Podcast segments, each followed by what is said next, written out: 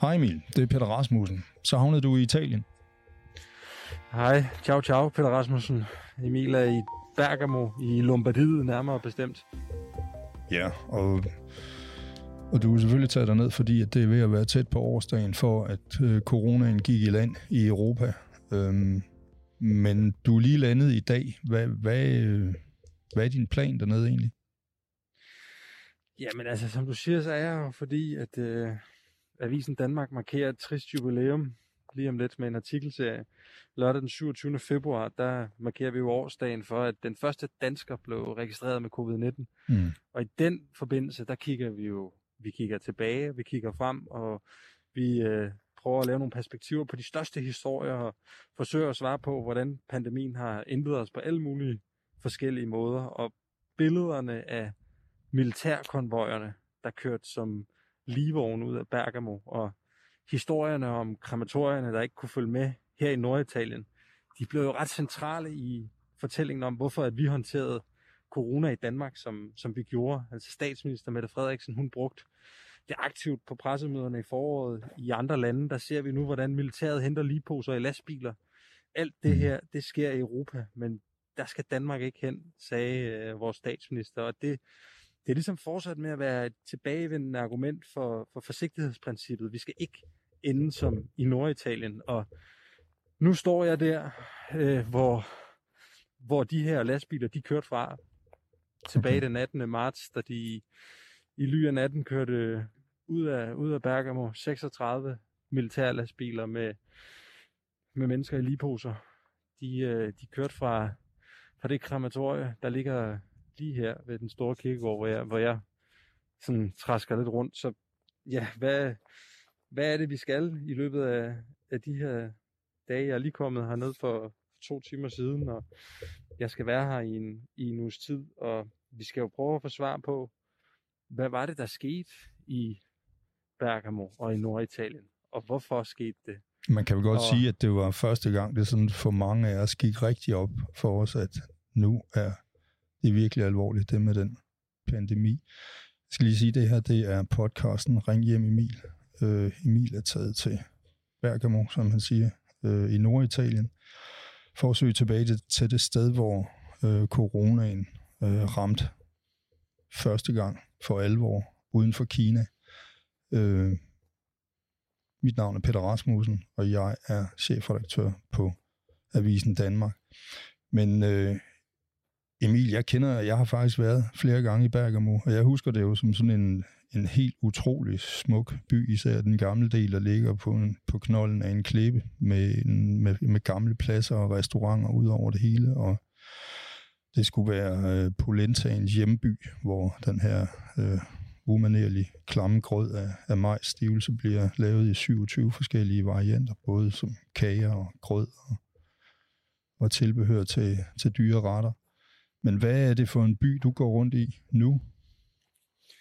Ja, jeg kan fortælle dig, at der er stadigvæk polenta, for jeg har faktisk lige fået polenta til frokost for en, en lille times tid siden, og det var altså ikke særlig klamt. Men øh, jeg tror, der er mange ligesom dig, Peter, der, øh, der har ferieminder her fra Bergamo. Altså, som du siger, med den gamle bydel med, med smalle gader og charmerende arkitektur og fortogscaféer med aperitivus, og du har bjergene i baggrunden, men men i dag, der er det jo nok hverken Aperol Spritz eller pastaferie eller bjergeidyl, som, øh, som vi de fleste vil forbinde med Bergamo. Det snarere så tænker man jo nok på de 36 militære lastbiler, der, der, kørte, der kørte ud af byen. Altså fordi det er jo ligesom bare de første håndgribelige billeder af, af Europas coronatragedie, mm. som vi alle sammen så, som vores politikere og vores sundhedsmyndigheder i Danmark, de også altså tvang os til at forholde os til.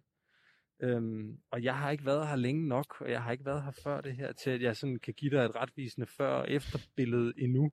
Men øh, jeg kan jeg kan fortælle dig, at de få personer, jeg har talt med indtil videre, de jo selvfølgelig er, er mærket af det her, som, som et par af dem har beskrevet til mig som, som at være i en krig. Fordi det var sådan, det føltes. Altså, i marts måned her i Bergamo, der døde der alene 4.500 mennesker i hvert fald.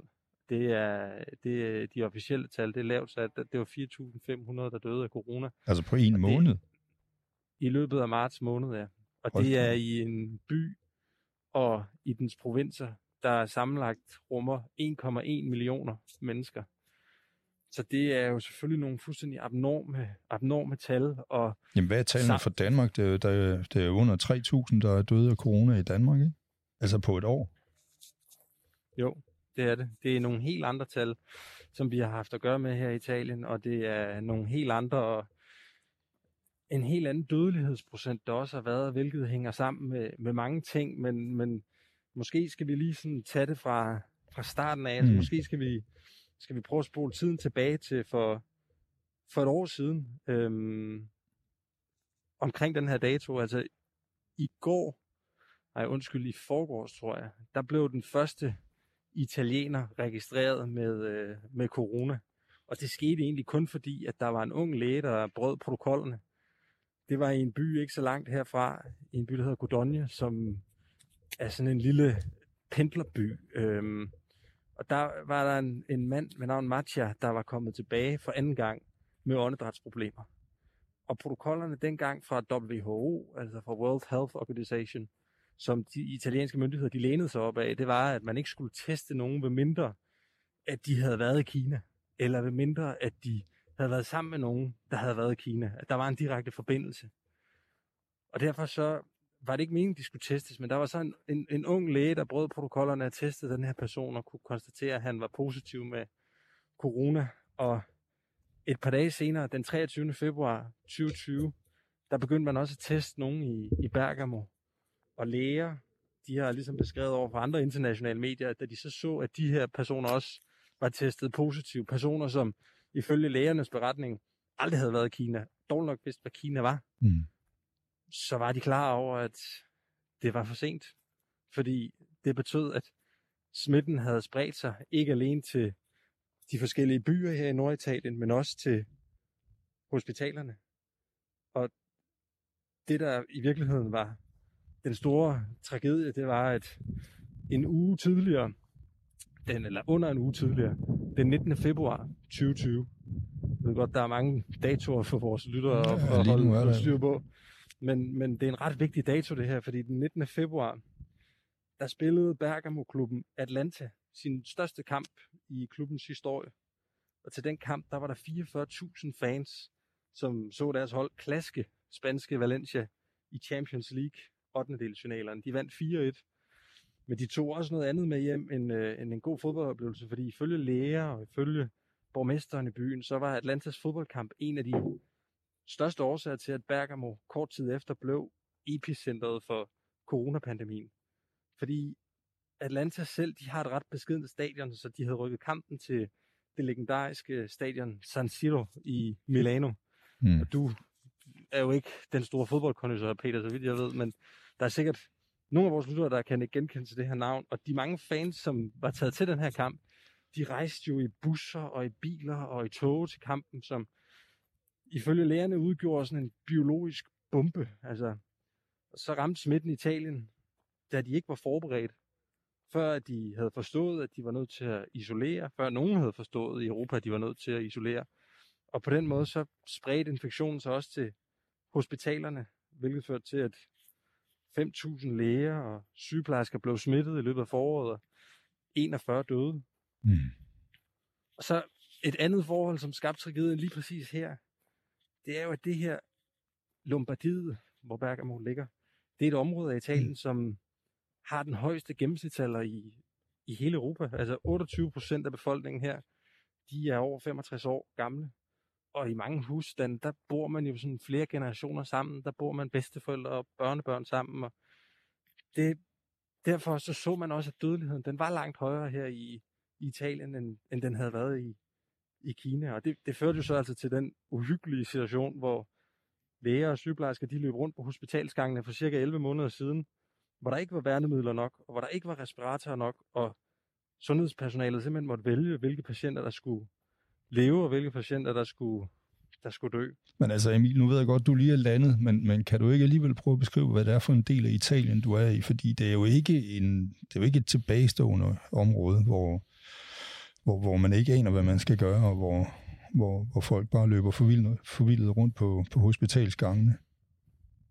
Overhovedet ikke. Altså det her, det er jo, det her, det er jo Norditalien. Det her, det er en halv times kørsel fra Milano. Det er sådan det industrimæssige, det fabriksmæssige, det produktionsmæssige hjerte i Italien. Det er her, hvor at designervarerne øh, kommer fra, hvor at de fineste tøjtekstikler bliver produceret, og det er jo her, hvor at der er en del liebhaver også, altså Komosøen, som nogen måske også kan genkende til, ligger også i kort afstand herfra, at det er et, et område, hvor... Det er jo der George Clooney, han har sommerhus. Ja, og en hel masse andre kendte, skulle jeg helt sige.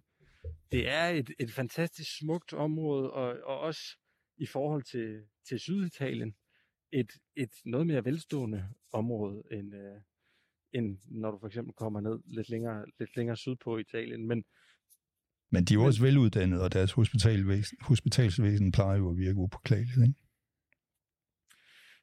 Jeg, er simpelthen ikke, jeg må simpelthen give dig svar skyldig på, om deres, om deres hospitalsvæsen plejer at virke upåklageligt, men de var i hvert fald bare, man kan sige, de har jo den benefit of the, of dem, der blev ramt tidligst ved, at, at de havde ikke nogen drejebog for noget af det her. De havde ikke nogen de havde ikke noget eksempel. Resten af Europa endte jo med at kunne bruge Italien som deres skrækeksempel.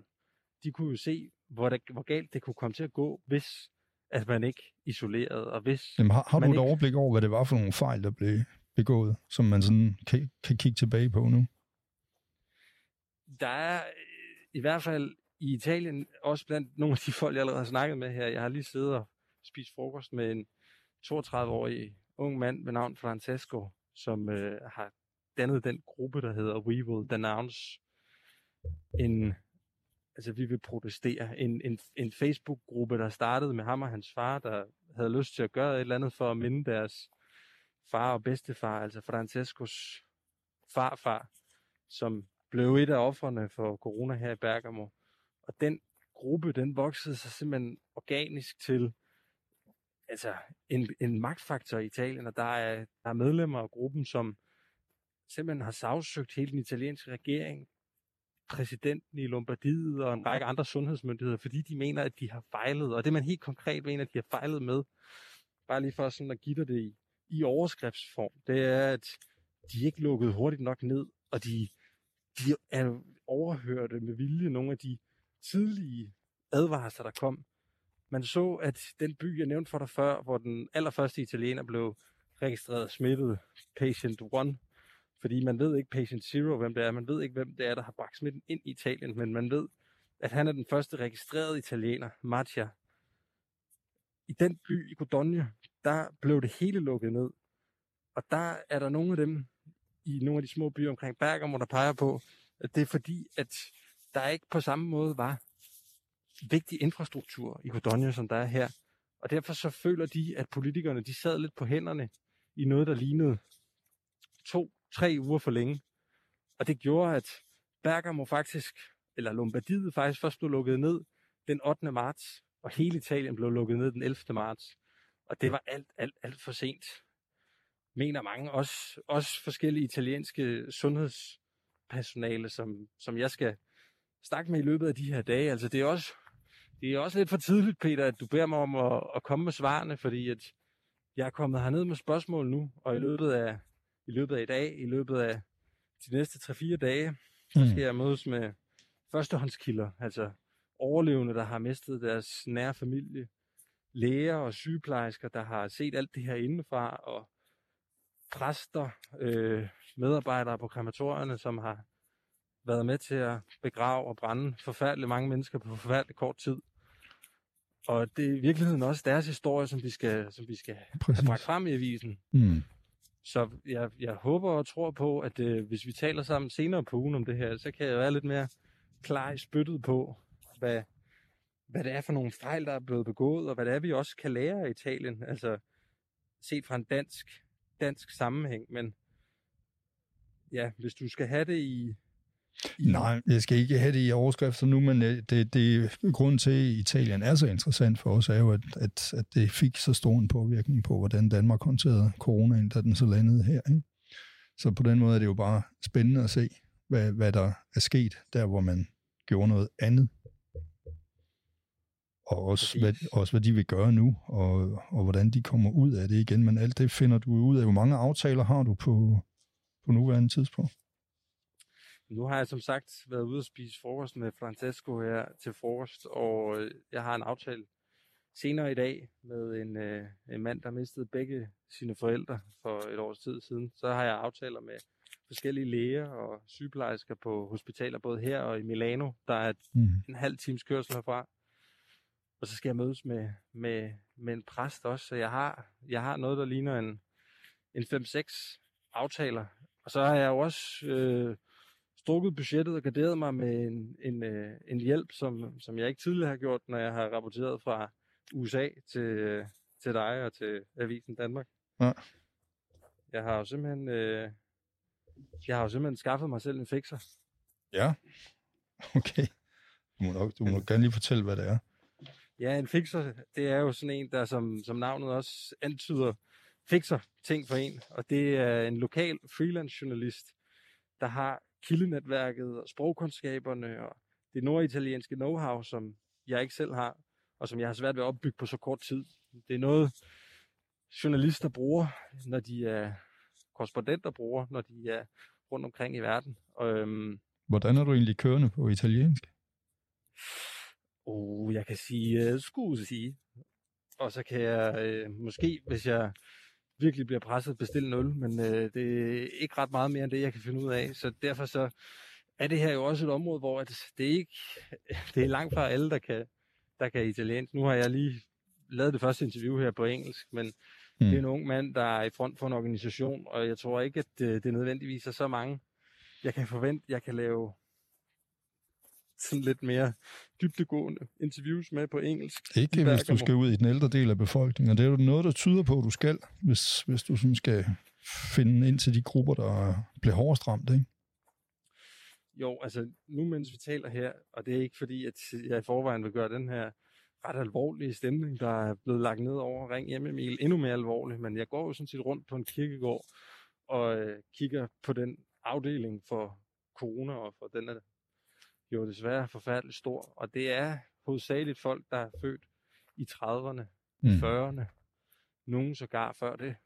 Der er nogle enkelte nogen hister her, som er en del yngre, men, men langt de fleste af dem, jeg går og kigger på her, det er nogen, der har været 60, 70, 80, 90 år gamle, inden de døde i foråret sidste år.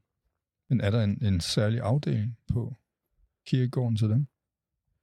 Ja, det er der. Her på kirkegården, der, der udspillede der sig jo et kaos for, ja, for en 11, 10-11 måneder siden, hvor at krematorierne ikke kunne følge med, hvor at de efterladte, de kunne simpelthen ikke få lov til at vælge, om de ville begrave folk, eller de ville have deres, deres nære brændt, fordi det, der var ikke ressourcer til, at man kunne begrave folk.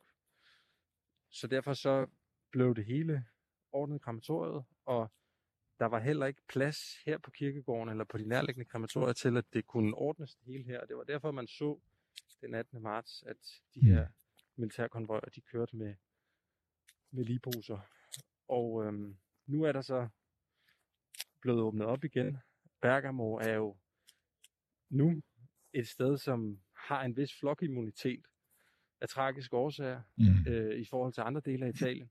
Og derfor så den bølge, der nu har ramt Italien, er ikke, der er de ikke lige så hårdt ramt i Bergamo. Så her på kirkegården er der åbnet op. Folk de går og stille og kigger på de forskellige gravsteder. Og der er simpelthen en hel, hel sektion, hvor man bare kan se, at de alle sammen er døde i, i marts eller men, april. Men åbnet op er der jo ikke til Italien, så vidt jeg ved. Altså, hvordan er du egentlig kommet ind? Italien er nationalt gul zone i øjeblikket. Det vil sige, at Italien har faktisk åbnet delvist op for noget, der ligner tre uger siden. Restauranter, caféer øh, er åbne indtil klokken 6 om aftenen. Mm. Som udlænding, så øh, kan man komme til Italien, hvis man har et øh, erhvervsformål. Hvilket jo journalistik også, også er. Så øh, det, jeg har fløjet direkte fra Kastrup til, til Bergamo tidligere i dag, sammen med primært italienere, der var nogle danskere blandt os, men jeg, øh, jeg, jeg nåede ikke at, at udspørge dem om, hvad, hvad deres formål var her. Men Italien er i og for sig åbent for, at man øh, kan komme ind, i hvert fald hvis man har et, et formål. Hvad så, når du kommer hjem igen? Skal du øh, i karantæne eller noget som helst? Du skal vel tjekke selvfølgelig. Ja, og ret beset skal man jo 14 dages karantæne, men jeg tror, at man kan, man kan få lov til at slippe med fire dage, hvis man bliver testet negativ, når man ankommer i lufthavnen, når man tager en test igen fire dage senere, hvor man også bliver testet negativ. Okay. Altså nu har du sagt, at det, at det er meget gamle mennesker, men ham der, øh, patient 1, den første, konstaterede, han var ikke specielt gammel, så vidt jeg husker. Nej, han var 38, Mattia, og i god form også. Han, øh, nu kan man høre kirkeklokkerne, der ringer i baggrunden. Der er faktisk lige en begravelse, der har fundet sted her. Okay. De begraver stadigvæk en til to corona og for om dagen i, øh, på den her kirkegård i Bergamo, fik jeg at vide før. Men øh, Mattia, patient Uno, han nåede jo heldigvis aldrig så langt, fordi at han var i respirator, han var i koma i tre ugers tid, og så vågnede han op på et tidspunkt, hvor han ikke anede, hvad det egentlig var, der var sket. Altså, fordi han vidste jo dårligt nok, hvad corona var, før at han blev lagt i det her koma. Og inden at han var blevet testet positiv, og inden at han var blevet indlagt, så havde han jo nået at smitte både sin gravide kæreste, sin far, sine venner, sine fodboldkammerater og sin læge og sine sygeplejersker, der havde behandlet ham. Han havde været en regulær smittebombe. Øhm, hans egen far døde, desværre.